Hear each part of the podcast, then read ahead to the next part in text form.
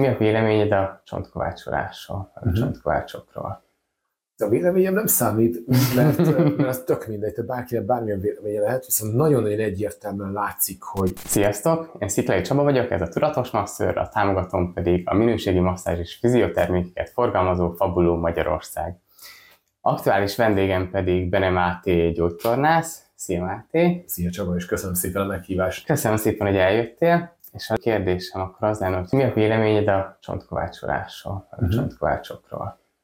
A véleményem nem számít, mert, mert az tök mindegy, te bárkinek bármilyen véleménye lehet, viszont nagyon-nagyon egyértelműen látszik, hogy mit csinál a manipuláció, mit tud, milyen hatása van krónikus akut esetben. Erről már azért elég, elég stabil, stabil adataink vannak.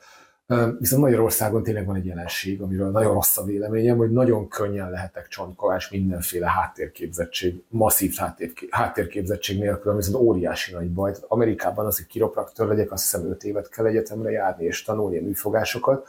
Igen, a műfogásokat megtanulni, ez véleményem szerintem nem egy nagy művészet. Tehát nem az a nehéz, hanem az, hogy tudod, hogy mikor csináld őket, mikor ne csináld őket, mire jók, mire nem jók mikor van esetleg egy jobb modalitás, egy hatékonyabb történet. Tehát az az izgalmas, hogyha megkérdezel egy embert, hogy mi történik akkor, amikor roppantják a gerincét, akkor az embereknek a, a 42, 49%-a azt fogja mondani, hogy ilyenkor került helyre a csigolya, és helyre került a csigolya. Tehát az autómban a kerék az, ha képzeld el, azonnal menet közben, és az egy autó, ez meg a gerinc sok millió év evolúció volt, tehát hogy macoroghatnának el benne a csígolyák, na mindegy. És az embereknek a 40%-a meg azt gondolja, hogy akkor volt sikeres ez a, ez a manőver, hogyha roppant, tehát hogyha ha adott hangot, tehát ezt gondolják az emberek. És nagyon sokáig, most vegyük végig, hogy mi történik, mennyire veszélyes, nem veszélyes, mit tud, tehát nagyon röviden próbálom ezt összefoglalni. Hát ez a, ez a néphit, tehát ezt, ezt gondolják a, az emberek róla. Egy Kavcsuk nevű kutató 2015-ben megnézte emer alatt, hogy mi történik ilyenkor. Nem biztos 2015-ig egyébként erről csak koncepció volt, tehát nem lehetett szemmel látni. A, ezt a új percizületet nézte meg emer alatt, amikor roppantanak rajta, akkor mi zajlik. Gyakorlatilag annyi, hogy légbuborékok áthelyezkednek az izület egyik feléből a másikba. Um, és egy új perc izület az, azért az egy nagyon-nagyon mobilis izület. Tehát ott nagyon-nagyon nagyot tudnak mozogni a csontok. A gerincben a kis izületi felszínek az sokkal-sokkal inkább limitálják itt az elmozdulásoknak a lehetőségét. Tehát gyakorlatilag annyi történik roppantáskor, hogy mozgástartomány végére húzom az izületet, és dóla meg légbuborék. Tehát semmi, semmi helyre kerülés nem történik. Óriási baj lenne, ha ez megtörténhetne. A, a hatásmechanizmus az az, hogyha elkezdem feszíteni az izmaimat és sokat egymás között, vagy mondjuk vesztek a polckorong magasságából, és vagy, vagy bármilyen okból túlmozog egy csigolya párom, és ezt ilyen nagy, nagy izomfeszültségek összehúzzák, akkor jellemzően a, ez a pozíció, hogy itt ezek a túlmozgások ne zavarjanak, ne okozzanak fájdalmat, így reflexes izomvédekezést szoktak okozni. Ha egy izom feszül, akkor, akkor a gerincfelőbe úgy vannak bekötve az izmok, hogy az ellenpárjuk az elkezd kikapcsolni, tehát hogyha ezt feszítem, akkor ez ellazul, ez jellemzően azért alakult így, hogy mozogni tudjak, mert hülyen néznek ki, hogy az orromat meg akarom érinteni, akkor ezt nem tudom megtenni automatikusan. Tehát ilyenkor az ellenpárok kicsit elengednek, és ez még jobban borítja itt ezt a rendszert, és nagyon könnyen fájdalomhoz tud ez vezetni. Érzékenyedéshez ez fájdalom élményt okoz. És hogyha megfogom a két csigolyát, és elrántom őket hirtelen egymástól, hogy gyakorlatilag töröm ezt a reflexkört, és el tud lazulni az izom, nyílni tudnak a kis hajszálerek, be tud áramolni a vér, és innentől kezdve egy tök jó megkönnyebbülés érzés lesz az embernek a, a gerincében, hogy egy csigélköztízületről beszélünk. Ez egy nagyon jó eszköze lehet a fájdalomcsillapításnak. Egy tényleg tök jól működő eszköze bizonyos esetekben. Azt látni kell, hogy mennyire kell, hogy ez specifikus legyen. Tehát azt mondjuk, hogy nagyon-nagyon értenem kell hozzá, hogy hol csinálom, mennyire csinálom, milyen műfogással csinálom. Most erről is készült egy metaanalízis 2021-ben, nem is olyan régen, és kiderült, hogy olyan gyógytornászokat és kiropraktorokat néztek, akik nagyon rutinosan csinálják ezt a műfajt, meg akik nem kezdték. És az jött ki, hogy akik nem kezdték, azok sokszor hatékonyabbak, mint azok, akik nagyon rutinosak. Um, és kiderült az is, hogy nem is kell annyira specifikusnak lennem. Tehát ha roppantok mondjuk két szegmenttel följebb, mint a probléma van, a fájdalomcsillapítás akkor is bekövetkezik. Tehát nem kell annyira tutira rányom, ezek tények. Tehát ezek, ezek, ezeket egyértelmű metaanalízisek mutatják kijött az, hogy akut esetben, tehát hogyha éppen fájok, éppen ott vagyok, hogy nagyon rosszul érzem magam, aki tök jó fájdalomcsillapítást tud ez elérni, pont olyat, mint a masszázs, a gyógytorna, a sportok többsége, vagy valamilyen gyulladáscsökkentő. Krónikus esetben, hogyha a fájdalom tartós, akkor is tud fájdalmat csillapítani addig, amíg csinálom. Tehát itt úgy nézett ki a kísérlet, hogy két naponta kapott manipulációt egy ember a derékfájására, tehát két naponta az költséges és időigényes általában is, a többi.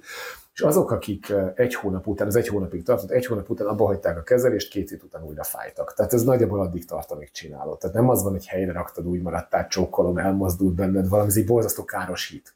Nem így működik a gerincünk. Um, akik két hetente kaptak fenntartó kezeléseket, azoknak valamelyest tudta tartani a, a tünetmentességét, addig, amíg ezt csinálták. Tehát jellemzően a manipulációs kezelések arra lennének nagyon jó célszerszámok, hogy aki ezt szereti, és akinek ez a modalitás bejön, ez a fajta terápiás módszer, egy jó kis kezdőlökés legyen. Fájdalomcsillapítás, és utána valami aktivitást csinálj, mert ő csinál, és így nem, nem kötődik a terapeutához. Kára nagyon egyébként nincs. Tehát egyre jobban azt mutatják, mindig mondjuk ropogtatjuk, akkor majd remegni fog, meg túlnyúlik a toxalagrendszer. Bazisok kísérletet csináltak erről, és úgy néz ki, hogy nem. És tudom, nem szeretjük hallani, mert szeretjük bántani ezt a, ezt a vonalat néha, de igazából annyira robosztus a test, hogy, hogy ezekkel is nagyon nehéz uh, toxalagrendszert bántani. A porckorong sérveknél lehet ennek viszont egy veszélye. Az a, tehát, hogy a porckorong sérvet tehát elkezded rotálni a gerincet, és van ez a klasszikus manipuláció, akkor a porckorongnak a belső magja az a csavarással ellentétes irányba hátrafele mozdul, és nekem pont ott van a sérvem, és mondjuk pont az ellentétes irányba megcsavarnak, és ezt hirtelen felkészületlen gerinc kapja, és mondjuk kicsit túlbuzgó a, a terapeuta, és ezt ilyen jó erősen csinálja, hogy roppanjon, mert hát akkor sikeres. Hangos legyen. Hangos legyen, mert muszáj, hogy a helyére kerüljön, meg kiszedjen, meg hasonló borzalmak, akkor például a nukleuszt, ezt a magot el tudom tolni arra. És ilyet egy, egy szakképzett profi nem csinál, tehát egy, egy kiropraktor nem csinálna ilyet. Viszont Magyarországon az a borzasztó, hogy ilyen, hogy, hogy, hogy csontkovás szakmélyen nincs. Tehát, hogyha masször vagyok, gyógytornász vagyok, szobafestő vagyok, tök mindegy, holnap kiírhatom a névjegykártyám, hogy Csontkovács, anélkül, hogy túlzott fogalmam lenne azt illetően, hogy mi a spondiloisztézis, mi a porckorongsér. Artrokinematikának nevezik azt, hogy az izületben a csontok hogyan mozognak. Ezt, ezt tanítom a BGN. Ez egy nagyon-nagyon szofisztikált, összetett dolog, bazi bonyolult az a lényeg.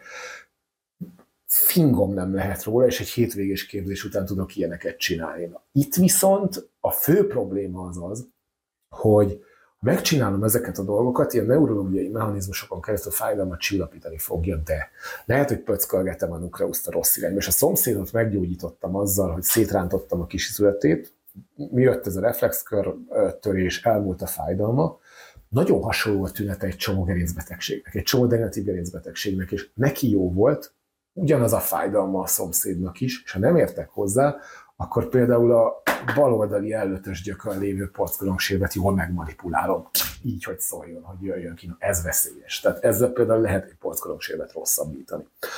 Ez kellemetlen ügy. Nagyon sokáig, eh, az agyat négyért látja, itt, hát négy főér mondjuk, azt két karotis, meg a meg, meg hátul a csigolya oldalsó nyúlványában fölfele eh, menő arteria vertebralis, és olyan nagy összefüggés van a között, hogy aki 40 arcrókot kap, ő általában egy nyaki manipuláción járt korábban, és hát nagyon sokáig azt gondoltuk, hogy ezekkel a nyaki manipulációkkal el lehet szakítani az arteria vertebralisnak a, a belső falát. És akkor ki tud alakulni egy ilyen kis vérrag, az fel tud menni az agyba, és ezeket a területeket el tudja zárni. Ez egy nagyon brutális sztrók amúgy, tehát az agynak a, a mozgásért felelős központjait bántja. Most már egyre jobban látjuk, hogy ez talán nem oki szintű összefüggés, hanem csak összefüggés, mert hogyha megszakad az artéria vertebralis fala, akkor, hát akkor megfájdul az embernek a feje, és hogyha megfájdul a feje, akkor meg, meg a nyaka is, és akkor megy el ilyen, ilyen olyan kezelésekre. Tehát lehetséges, hogy az inkább tyúk, mint a tojás, vagy inkább a tojás, mint a tyúk, attól függ.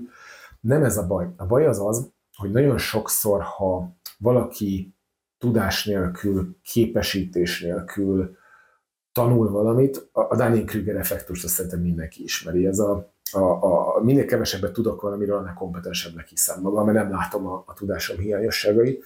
Ha elmegyek egy hétvégi tanfolyamra, és megtanítják azt, hogy én most meggyógyítottam, helyre tettem, elmozdult, megcsináltam, akkor ezt elhiszem magamról.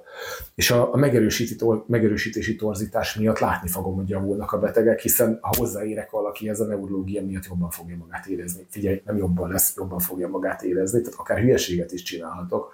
A fogorvosi váróban is múlik a fogfájásom, csak azért, mert a fájdalom élmény csökkenteni fogja azt, hogy egy kompetens lépést tettem a fogfájásom elmulasztására, tehát már ettől csökken a váróban a fájdalom élmény. Ha bízok abban a szakiban, akkor már attól, tehát nagyon validálva fogom érezni magam egy hétvégés szakiként, hogy jó, amit csinálok, és nem fogom észrevenni azokat a pácienseket, akik nem jönnek vissza, nem vannak visszajelzést, amíg rontottam rajtuk. És az az a gond, hogy meg fogom ígérni azt a valóságot, át fogom adni azt a narratívát, hogy majd én helyre raktalak. Benned valami tönkrement, elmozdultál, vissza kell járnod hoznám, hogy rendbe gyere, és ezáltal elveszem a teret attól a terápiától, amitől nem jobban érezni magát, hanem jobban is lesz. Ez baromi fontos. A másik nagyon nagy gond a csontkovácsolással Magyarországon az, és ezt a, a, a jó szakemberek legnagyobb tiszteletével mondom. Tisztelet a kivételnek. Egy nagyon más, amikor valaki úgy manuálterapeuta, hogy elvégezte az orvosinak a két éves posztgraduális továbbképzését, orvosok, gyógytornászok csúcs, amit tudnak. Tehát legnagyobb biztonságban vannak ott az emberek, szuper, amit kapnak, de... 6-7 év után. Igen, igen, igen, és ott, ott megvan hozzá a tudás, meg az alap, meg, meg, meg kell felelni standardeknek, amit vizsgázni kell, tehát nem engednek ott bárkit, nagyon nem. Tök jóba vagyok egyébként a, a, azzal a kollégával, aki szervezi ezeket a képzéseket. Viszont az a durva, hogy hogy annyi téves valóságot tudnak ezek az emberek az egy hétvégés szakik átadni. Mondok egy példát, a palpáció, a tapintást. Amikor azt mondom, hogy kitapintom, hogy elmozdult az ilyen olyan, olyan izületed, és abból majd megmondom, hogy te aszimmetrikus vagy, helyre raklak, és akkor egyenesen távozol. Az a durva, hogy ezt megint objektív kutatások tonnája bizonyítja, hogy fogsz egy emberi medencét, és azokkal a landmarkok, azok a távol, tájékozódási pontok, a pinaiak, kanteriasztó pedig az a két dudorit, tehát előse felső csípőtől is, a hátsó, ezek milyen magasságban vannak elől, hátul, ezt embere válogatja, nagyon nagy szórást mutat, és az, hogy melyik oldalon hol helyezkednek el, tök természetesen, az is óriási szórást mutat. De ha megtanítja nekem a guru, hogy elmozdult, abból lesz a fájdalom, majd én helyre rakom, és jobban fog mozogni az izület, és akkor nem fáj, akkor ezt, ezt palpatori pareidoli, pareidoliának nevezik, tehát az, hogy tudom azt tapintani, amit hiszek. Nagyon durva, a látás is ilyen, rengeteg ilyen optikai illúzió van, majd egyet átküldök, aztán nem tudom ebbe bemásolni, ilyen szürke kockák, az egyik sötét, a másik világosabb, egy zöld kis oszlop előtt, és tök különbözőnek látod a színüket, pedig egyforma, ez agyad összerakja a képet megszokás alapján. Tehát a, ha ügyes leszek, ezt most idevágom. Igen, igen, ezt, ezt érdemes ez csak így hatékony, de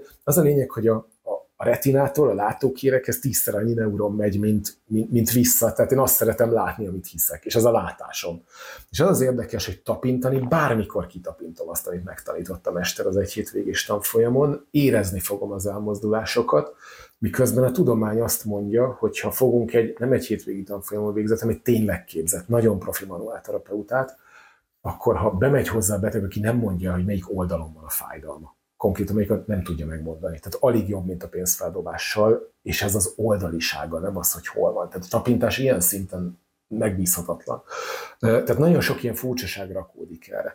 Mondok egy példát, Atlas vagy, vagy keresztcsont, tök mindegy, hogy lentről vagy föntről indulunk. Tehát, hogy csinálok valakinek egy manipulációt, tudom, már gyönyörűen megmutatta, hogy előtte, utána a keresztcsont mozgása nem változik meg, viszont érezni fogom, ha megtanítják nekem, hogy, hogy ez más, és jobban lesz a beteg a neuromoduláció miatt. És hogyha beleteszek egy olyan hitet, hogy benned valami elmozdult, és rám van szükséged ahhoz, hogy ez az elmozdulás újra és újra ne térjen vissza, és mindig rendbe rakjalak, ez egy olyan valóságot épít, ami egyrészt nem igaz, másrészt nagyon függővé teszi az embert, és kialakíthatja azt a képet, hogy én egy ilyen instabil kis valaki vagyok, akire nagyon vigyázni kell. Tehát ezekkel van a baj.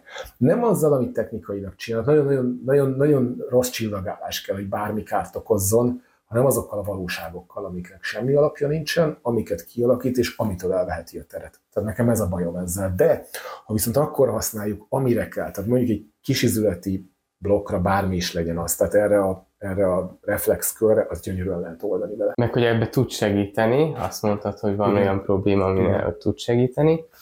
Viszont ha jól értem, akkor az ilyen segítségnél is hasznos, hogyha olyan szakemberhez megy az ember, aki mondjuk manuálterapeuta vagy kiropraktőrnek tanult Amerikában, Angliában, Németország, bárhol évekig, hogy tudja, mit csinál, tudja a hátteret, tudja elemezni mondjuk, hogyha elviszed a a papírjaidat, hogy hol, milyen sér van kimutatva, vagy ilyesmi, és akkor úgy sokkal biztonságosabb sokkal, ezekben vagy. Sokkal, sokkal. Egyébként nagyon, nagyon jól lehet monitorozni, hogy milyen terapeutánál vagy. Tehát aki azt mondja, hogy kitapint rajtad bármit, és ez alapján tudja elmondani, hogy mi a bajod, én nagyon óvatos lennék, mert a tudomány nagyon nem ebbe az irányba néz már. Tehát a triggerpont terápiának a, az alapítóit, ez egy kevésbé ismert kutatás, 92-ben meghívták egy, egy olyan vizsgálatba, ahol, tehát ha valaki tud tapintani triggerpontot az ő, ahol összevetették egy, egy egészséges csoportnak, egy fibromialgiával rendelkező csoportnak, meg a, meg a korábban egy másik, másik triggerterapeut által diagnosztizált csoportnak a,